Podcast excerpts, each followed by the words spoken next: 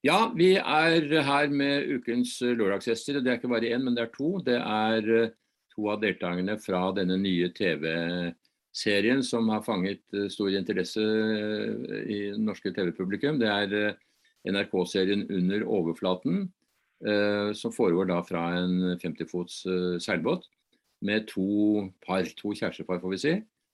Og vi er heldige å få fått med oss begge de to herrene i dette selskapet. Jeg vet ikke om det er tilfeldig, men det var ikke vi som valgte det. Men eh, de valgte selv å ha to som skulle være talsmenn for prosjektet. Og det er, det er skipperen, det er Ole André Hamarøy, som eh, er fra uh, Mørekysten. Uh, og så er det Lars Korvald som får si selv litt hvor du kommer fra og hva som er din bakgrunn. Men vi begynner med, med Ole André, for det er deg som uh, som eh, er skipper på båten, og fortell litt eh, Var det et helt naturlig valg? Er det deg som er den som har mest seilerfaring?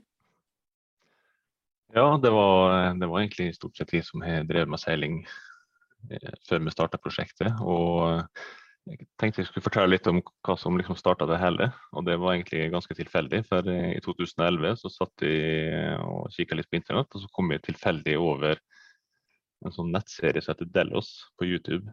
Og da fikk jeg en liten sånn åpenbaring over eh, hva en kunne gjøre med en seilbåt. For jeg har aldri seila før, og jeg hadde, jeg hadde aldri liksom sett potensialet i seilbåter. Sjøl om jeg har observert mange seilbåter langs kysten. og når jeg er oppvokst her på Romsdalskysten, så er det liksom en naturlig del av det å være langs kysten her. Så så jeg så liksom eh, konseptet, da, at du kunne liksom samle alle aktivitetene som jeg drev på med, sånn som seiling, dykking, kiting, og kunne liksom samle det i en båt og bare ja, reise langs kysten og bare oppleve alt. da. Og ha alt du trenger i båten. sånn som Du, Du bor jo egentlig i den perfekte leiligheten der du har tilgang til alt du trenger. Så mm. alt du har i seilbåten, det er liksom overflødig. Så da jeg så liksom potensialet i det en seilbåt kunne bære med seg, da, så uh, var det ingen tvil om at det var liksom fokusert på å få til noe med en seilbåt. Da. Så drømmen starta ganske kjapt da, med å jeg om seiling. Så det var det som var den store motivasjonen. Så eh, jeg greide ikke å komme meg videre da, fra den jordomseiling-drømmen her. og da eh, når jeg flytta til Trondheim for å studere på NTNU da, eh, Det første jeg gjorde når jeg kom til Trondheim, det var å eh, fare ned til Trondheim seilforening. Og heldigvis så var det onsdag som eh, som, som, jeg kom på, og da hadde Hedda en fast eh, onsdagsregatta.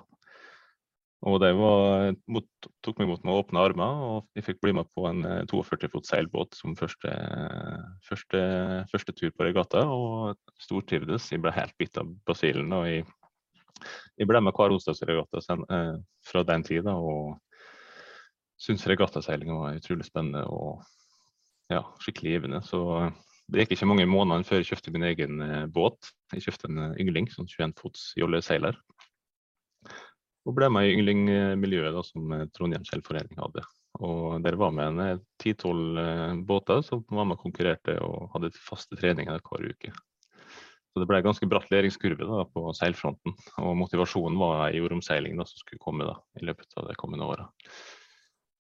Så etter jeg har fått begynt å seile og fått sett hvor givende det er. Så maste jeg på kjæresten Hanna som, eh, om at, måtte, at, vi måtte begynne å planlegge jordomseiling sammen. da. Mm. Men uh, hun syntes det var ganske omfattende og tenkte kanskje nei, kanskje, kanskje det var greit å bare begynne å seile litt Norge først. Kanskje vi skal seile norskekysten på langs isteden, og prøve det da, for å liksom samle erfaring til en uh, sånn stor jordomseilingsreise. Og og det tenkte vi var en skikkelig god idé. Og Norskekysten er jo kanskje en av de tryggeste kystene å seile langs. Vi har jo kanskje verdens beste redningstjeneste rett, som dekker hele kysten vår. Og ja, det, jeg vil si, det er ganske trygt land å reise i. da. Ja, da, Men samtidig kan det være ganske strabasiøst eh, langs norskekysten også. Det ser man et par eksempler på i den filmen, at dere var ute i været noen ganger. Ja, stemmer det. Og det som er litt godt òg, det fikk jeg erfare underveis. at og jeg fikk høre det av ganske mange. og Når du har seilt hele norskekysten, da har du fått prøvd på ganske mye av de røffeste forholdene som du kan møte på da, på jordomseiling. Så, så vil, og det vil jeg nesten bekrefte at eh, du har fått ett år langs norskekysten i all slags vær. Det da før du virkelig prøvde det. også. Men altså, det var deg og, og kjæresten din, Hanna Hunnes Viken. Dere er fra samme sted, eh, Bud eh, utenfor Molde. Ja, eh, og studerte sammen i Trondheim. Eh, og så fikk dere da et annet vennepar, Lars Korvald, som vi skal snakke med, som også er med her. Og hans eh, kjæreste da Henrikke Øjord Haugen, som, Haugan, som mm. var, det, var, det, andre paret. Og hva førte dere sammen i dette prosjektet? Nei, vi møttes jo på, gjennom studiet da, på NTNU i Trondheim. Og det, var, det artige var at det var ei dykkergruppe i NTNUI da, som vi møttes. Så der fant vi hverandre og felles, vår felles lidenskap. Og, som var dykking da, og reising i, Nor i Norge og utforsking av hva som hvilke naturopplevelser Norge har å by på. Da. Og Lars, og, ja, og Lars visste jo Unnskyld når vi var, når vi var ferdig og studerte, da, så møttes vi ganske ofte på ferier, ferie, sånn som påskeferie og sommerferie. og for på felles reiser rundt omkring i Norge og padla Helgelandskysten og padla utsida eller vestkysten av Lofoten. og Gjorde mange sånne strabasiøse ting sammen. Og da tenkte vi liksom at eh, Nei, Lars, da. Og da Hva skal jeg si Da Lars ja, og det var jo etter, etter vi var ferdig å studere at jeg begynte å planlegge den norske reisen med seilbåt. Og da, eh, det var da Lars kom inn i bildet. Da, og jeg ringte med en eh, februarkveld, var det Lars? Ja, eh, jeg kan da si litt om meg sjøl. Eh, Lars Kåver heter jeg. Eh, har også vært med å lage serien sammen med Ola, Hanna og Henrikke. Eh, litt sånn min motivasjon bak det hele er jo at eh, jeg har jobbet mange år som dykkerinstruktør eh, rundt om i Norge. Og har alltid vært eh, veldig fascinert av den overraskelsen som møter folk når de først passerer si, Norge under vann. Da. Så jeg har hele tiden liksom, vært glad i å ta bilder og videoer under vann, men har ikke helt funnet den der eh, gode røde tråden eller vinklingen på liksom, en sånn god, god, historie. Og som Ole sier sjøl, siden vi traff hverandre i 2015, så har han sikkert snakket hver dag vi har truffet hverandre om den eh, drømmen sin om seiling. Og ja, tenkte at det kunne være liksom en perfekt sånn kombo. At vi kan bo sammen på seilbåt og få en unik mulighet til å vise fram eh, norskekysten under vann. Så ja. Men så bestemte dere liksom for å ta det store skrittet. Det var da å avvikle boforhold, eh, selge leilighet eller leie ut leilighet. og og kjøpe en stor og ganske dyr båt, og ganske mye utstyr som drar som, eh, som har kostet penger. Så det er jo et, eh, det har vært et kostbart prosjekt. Ja da, det er jo ikke gratis å, å kjøpe seilbåt og kjøpe mye dykkerutstyr og fotoutstyr, men det er litt sånn eh, det, I løpet av livet så får man gjerne et par sånne muligheter som man nesten bare man må nesten bare ta de. Mm. Og hoppe, hoppe, i det med begge føttene. Så ja. Angrer ikke. Det, kan, det var Nei, og, og sitter du om bord i båten nå, ser det ut som? Nei, etter vi kom tilbake igjen, så har vi jo solgt seilbåten. Men eh, som du hører litt i serien, så syns jeg det gikk litt av og til kunne gå litt treigt med seilbåt. Så jeg valgte å kjøpe eller meg og min samboer valgte å kjøpe oss eh, bobil istedenfor. Ok, Så dette er din bobil? ja, ja. Så nå reiser jeg rundt i Norge på hjul istedenfor med seil. da. Jaha. Hva med, ja. hva med jordomseilingen, når kommer den? Ja, Jordomseilingen er med Ole sitt eh, prosjekt. da. Eh, det er jo hans eh, store drøm. Jeg tror ikke Etter et år eh, i seilbåt på norskekysten, så er det nok eh, så har jeg lært at jeg tror jeg er mer sånn et par uker om gangen seiler. For meg så blir det nok å ha jorden rundt litt i, litt i overkant. Men dere er fire forskjellige personer som selvfølgelig har ulik personlighet og erfaringsgrunnlag. Ehm, var det slik at dere spesialiserte dere på, på spesielle områder fra begynnelsen av? At uh, du har ansvar for det, og du har ansvar for det, og så, uh, så uh, får vi dette til å fungere som en enhet? Ja, stemmer det. Det var jeg som hadde mest båtkunnskap, så det var naturlig for, jeg, for, meg at jeg hadde ansvaret for alt som hadde med utstyr og, og båten og alt det tekniske. Og Lars er jo fotobakgrunn og jeg drev med det i mange år, så han han fikk jo ansvaret for å eh, koordinere alt som hadde med fotoutstyr og innkjøp av det, og, og, det tekniske rundt det gjennom hele året. Du fremstår som en ganske streng skipper. Du forlangte at det skulle være kultus, og, at båten skulle være blankpolert og det var ikke noe å gå på der? Nei, det, jeg vet at det som ikke blir gjort eh, når det er planlagt, det blir aldri gjort. Så Planen var i hvert fall å få det gjennom, da, men været ødela hele greia for oss. Og vi hadde en ganske sånn stram tidsplan på avreise, så dessverre så gikk det ikke det med den blankpolerte skuddsida, Men vi fikk i hvert fall én da, som vi kunne glede oss over. Så En skuddside. ei skuttside er bedre enn to. Nei, bedre enn ingen, mener jeg. Ja. Og så måtte dere komme sydover for å treffe haiene utenfor, utenfor Jæren. Og det, det, var jo et eh, overraskende, en overraskende start på et sånt program med, med haier da på norskekysten. Ja, det var jo på, nesten på sørlandskysten ved, ved Farsund. Ja, det er jo eh, litt overraskende at det egentlig finnes så mye hai i Norge. Det tror jeg ikke altfor mange vet. Så det var jo et sånt stort mål vi hadde om at og litt derfor ting ble litt rushet i starten. At vi måtte bare få alt inn i båten. få bunnsmurt og polert det som var mulig å polere, og så kjøre av gårde, eller seile av gårde. da. Mm, mm. Opp at vi, vi fikk eh, se dem ja, før de svømte videre for sommeren. Og det gikk eh, heldigvis akkurat. Så vi var veldig fornøyd med de klippene og den opplevelsen. Mm. Her er det jo mye vi kan snakke om, og vi kunne snakke timevis, men noe må vi overlate til NRK og til seerne også. Så de henviser jo da til dette programmet som går en gang i uken. Eh, mm. Men, eh, men, vi kan vel si litt om eh, forventningene. Hva dere hadde forventet, og om de ble, om de ble oppfylt. Dere hadde laget en sånn bucketlist som dette med ting som dere ønsket å gjøre, og det var ganske eksotiske ting. og Det regner jeg med at dere fikk gjennomført det meste av det. Hvordan gikk det om bord? Fire stykker i en riktignok stor båt, da, men, men liten med alt det utstyret som dere skulle ha om bord vi ser at det var ikke så lett å ha total orden til enhver tid. Hvordan fungerte det? Ja, nei, vi var eh, vi holdt på en stund da, for å finne den rette båten. Da. Og eh, Vi visste vi trengte stor plass, derfor var det bare å satte søket på 50 fot. For det var det vi hadde behov for. Og vi visste òg at en båt med mange lugarer hadde vært det perfekte, slik at vi fikk delt opp litt. For, eh, for å holde orden om bord så er jeg en fast sånn jeg liker at alt har sin plass, da, og det er eneste måten jeg greier å ha det ryddig på. Og eh, vi endte opp med en Bavaria 50 cruiser med fem lugarer, og da kunne vi dele opp med en hver sin lugar. Og så hadde vi et fast rom, eller en fast lugar til, som vi brukte som eh, garderobe og alt, alle klærne.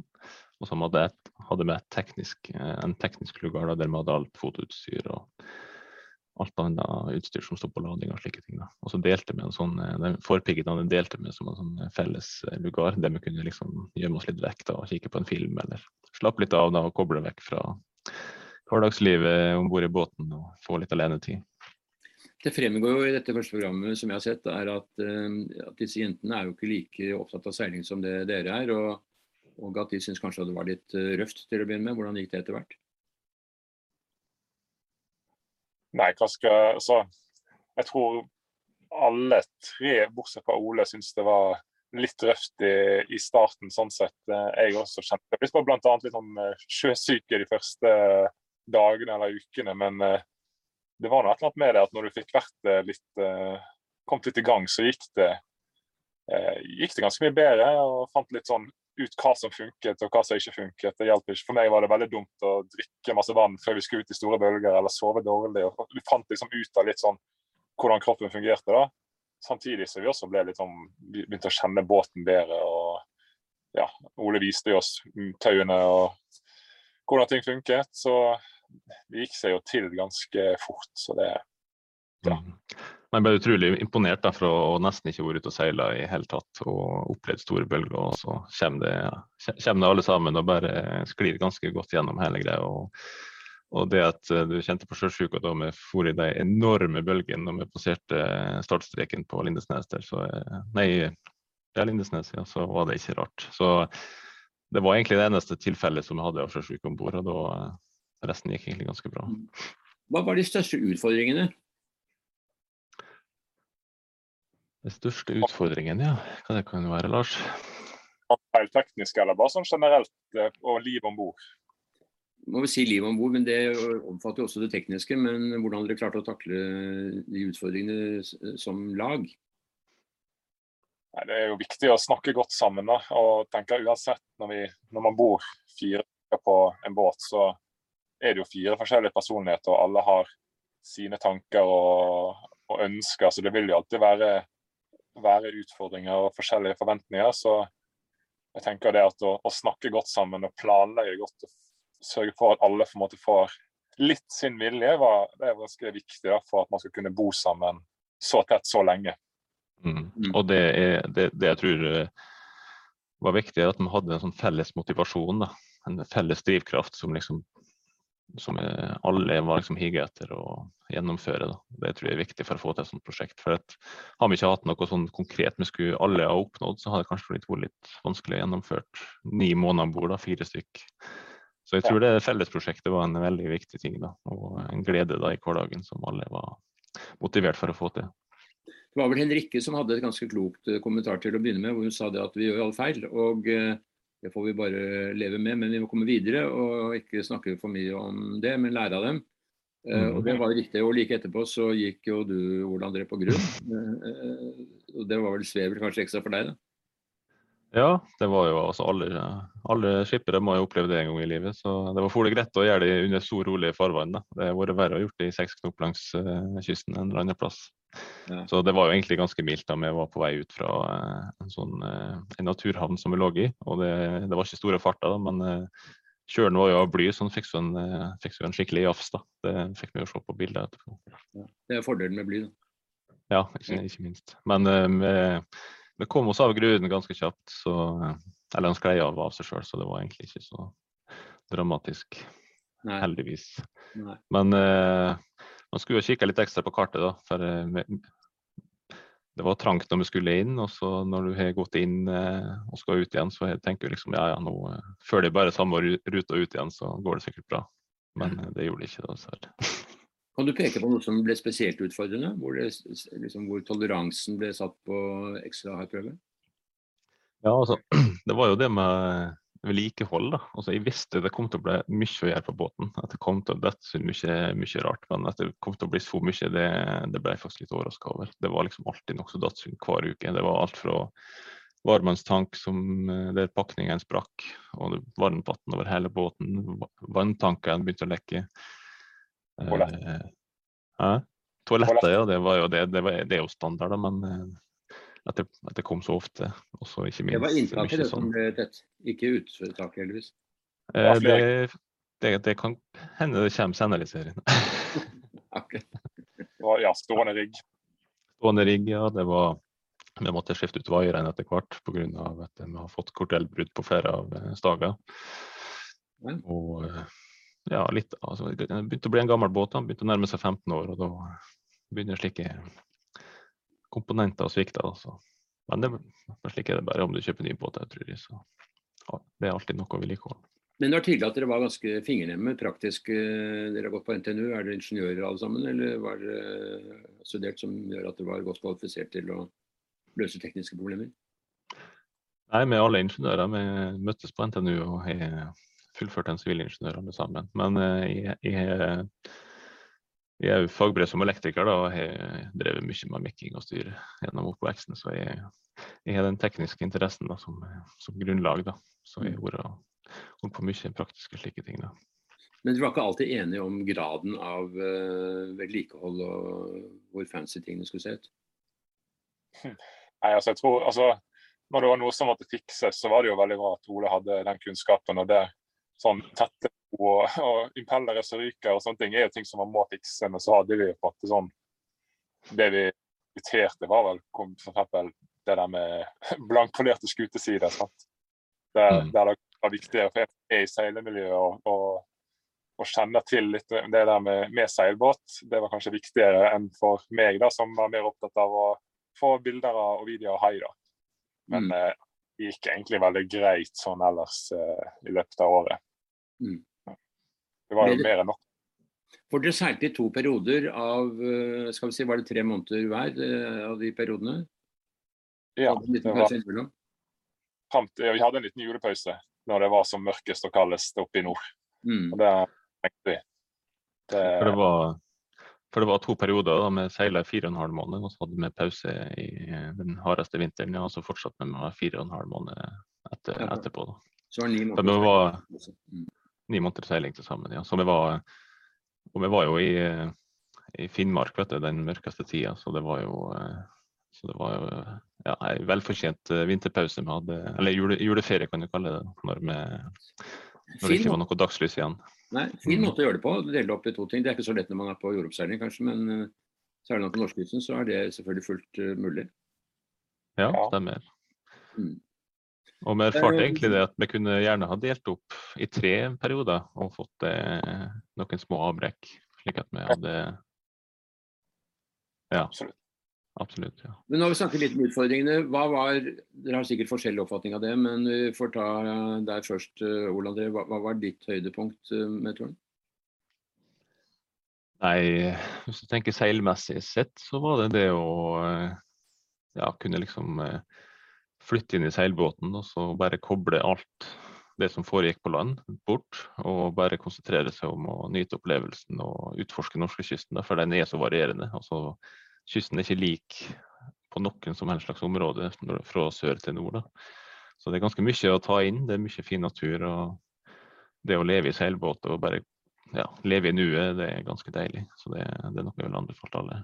Ta litt lengre sommerferie. Ja. Vil du peke på en enkelt sånn hendelse?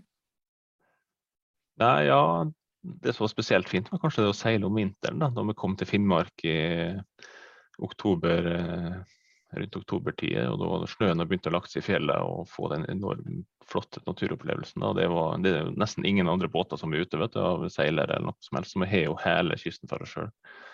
Og det å oppleve ja, stå ute i tre lag med ull og fryse litt og seile i sånne eh, omgivelser, det, det, er ganske rått. Ja. Vi har ikke sett det ennå, men hadde dere med dere ski og gikk toppturer og sånn, eller var det, hadde dere til sånn? Ja, stemmer. Det var, det var, det som var litt av målet. Vi pakka med oss alle, alt av aktiviteter som vi likte, som vi gjør felles. Da. Og det var, en av dem var å gå på toppturer på randonee-ski. Ja, Lars, eh, ja. høydepunkt og, og eh, nedtur? Ja, hvis vi kan begynne med ja, høydepunkt seilmessig, syns jeg det var veldig fint eh, når midnattssolen kom eh, tilbake inn på våren der, og vi seilte utenfor Finnmarksvidda og Varangerhalvøya. Ja, der hadde vi noen sånn utrolig fine seilaser med god driv i, i, båten og godt lys, og vi kunne seile hele natten. Så det, det husker jeg som veldig sånn, eh, sånn unik plass. Veldig få båter og helt ny plass for alle sammen. Eh, Nedturen var nok eh, Eller det verste var nok eh, Vi hadde jo litt problemer med riggen eh, etter hvert, og til slutt så fant vi ut at vi ikke kunne seile mer. Så vi gikk ganske mange uker kun på motor når vi skulle opp, opp i Finnmark der for, si, før jul. Det husker jeg var ganske tungt. Da ble jeg rimelig lei av den der motorduren 24-7. Ja. Mm. Fikk dere ikke reparert riggen så dere kunne seile på slutten av turen?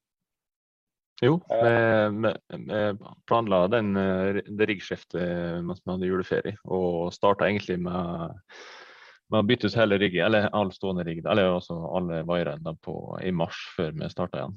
Og da, Det var det første vi gjorde etter vi kom opp. Mm. mm. Så vi starta med frisk rigg og fikk seile da hele periode to. Da. Mm. Så det var fint. Er dere minst like gode venner nå som da du startet på prosjektet? Absolutt, jeg vil si det nesten bedre, for nå er vi virkelig lært å kjenne hverandre. Ja. Men det er bare deg og eh, Anna som skal på jordomseiling? Ja, enn så lenge. Vi får se hvor populær den når serien blir. Kanskje vi kan eh, kjøpe oss en katamaran og bo i Korsets Krog og fare på, på, en, eh, på en sesong to rundt jorda. ja, det er slik det blir. Men, men, Lars, du ser for deg et liv på land og mer kortere tur. Du sa 14 dager og sånn, som er passer for deg. Men, uh... ja, jeg har vært litt på seilbåt uh, tidligere, sånn. Uh, og det har jeg syntes var veldig kjekt. Men det å liksom kunne for være to-tre uker på båt i, i strekken, det, det syns jeg er fint. Men jeg tenker at kanskje de lange, lange turene i, altså i årevis, eller ja, det blir nok litt for litt for langtekkelig for meg. da, så, Såpass rastløs er jeg. Så Derfor syns jeg det ja, er fint å kunne komme, liksom, komme, litt hjem og få glede seg til nye turer. og ja, Få tilbake den energien, og så ut på båt eller bil igjen. da. Men interessen, for, interessen for dykking den har du bevart, slik at det kan være nye, nye turer for å oppleve dykking i andre farvann? Absolutt. Det er jo også noe jeg har veldig lyst til. Altså, Ole snakket jo mye om det der med å ha seilbåten i Mikronesia og Fiji og mange av de der fantastiske plassene som jeg også har på listen min, steder jeg har veldig lyst til å, å dykke i og oppleve. Da. Så jeg håper jo at eh, ja, jeg skal få muligheten til å dykke litt i tropiske farvann òg, eh, gjerne fra seilbåt eller litt sånn. Jeg, lik, likte veldig godt den si, ekspedisjonsfølelsen. Ikke det at du liksom hiver deg på en sånn liverboard og bare drar sammen med mange turister, men at det er liksom et sånn prosjekt, og at du føler det er litt, litt unikt det du gjør. Det, det, det, var en sånn følelse som jeg likte godt. da. Mm. Men er dere nå alle fire i full jobb? Eh, de tre andre de, hadde jo fått, de fikk jo permisjon fra jobben mens jeg valgte å slutte i min jobb. Og nå jobber jeg egentlig fulltid som eh, vi kaller det videograf, så jeg er videoprodusent. Så jeg reiser da mye rundt i Norge og dokumenterer og, og lager video. Så dette har ført til en kompetansehevning kan man si da, innenfor ditt uh, fagfelt? Ja, det kan du si. Eh, jeg kunne jo en del om video, og, altså både drone og undervannsfoto fra før, men det å få jobbe nesten tre år sammen med de folka i NRK, det har vært eh, ja, det har vært som en utdanning. Og jeg føler meg kan så mye mer om det å bygge historier og, og lage ting folk bryr seg om. da, og Det, det setter jeg veldig stor pris på. Mm. Det har vært veldig morsomt å snakke med dere litt om kan man si, livet i kulissene. Nå får jo seerne følge med på NRK-serien. Kan eh, gjøre litt reklame for den også i ukene som kommer. Altså, det heter 'Under overflaten' med, med Ole André Hamarøy og uh, Lars Korvald, som vi har møtt her. Og så kommer i tillegg uh, Anna Unnes Viken og Henrike Øyjord Haugan, da, som er kjærestene deres, og som spiller også en viktig rolle i denne fortellingen. Tusen takk for eh, praten. Takk, takk. Veldig hyggelig å komme. Takk, takk.